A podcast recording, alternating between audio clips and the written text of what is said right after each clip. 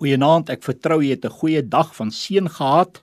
Nou ons is tans besig die week om te kyk dat God ons oproep tot sy opdragte en reëls in sy woord om dit na te kom.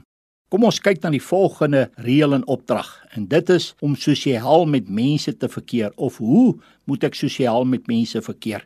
Nou vriendskappe wat vir God nie reg is nie, vind ons in Jakobus 4:4.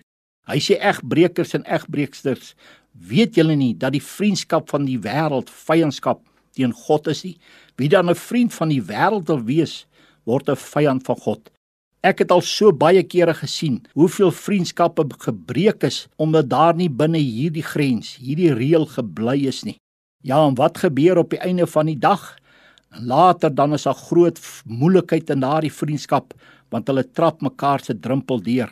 Wat sê Spreuke 25:17? Hy sê sit jou voet selde in jou naaste se huis sodat hy nie vir jou genoeg kry in jou haat nie.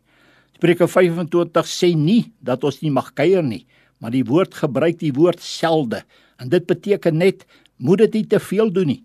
Moenie iemand se drempel deurtrap nie. Hoekom stel die woord die grens?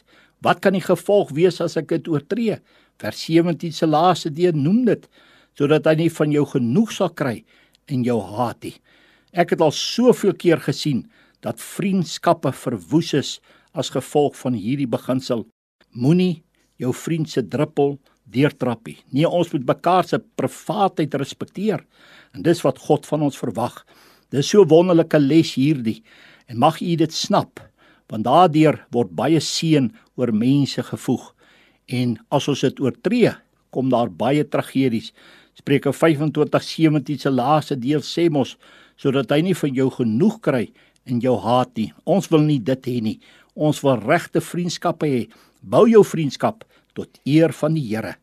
Kom ons bid saam. Here, help ons om nie die opdrag in reël te oortree nie. Help ons om ons vriende en vriendskappe te respekteer. Dankie vir ware vriende. Dankie dat U vir ons hulle vir mekaar gegee het om mekaar op te bou en nie af te breek nie. Ons bid dit in die naam van Jesus Christus. Amen.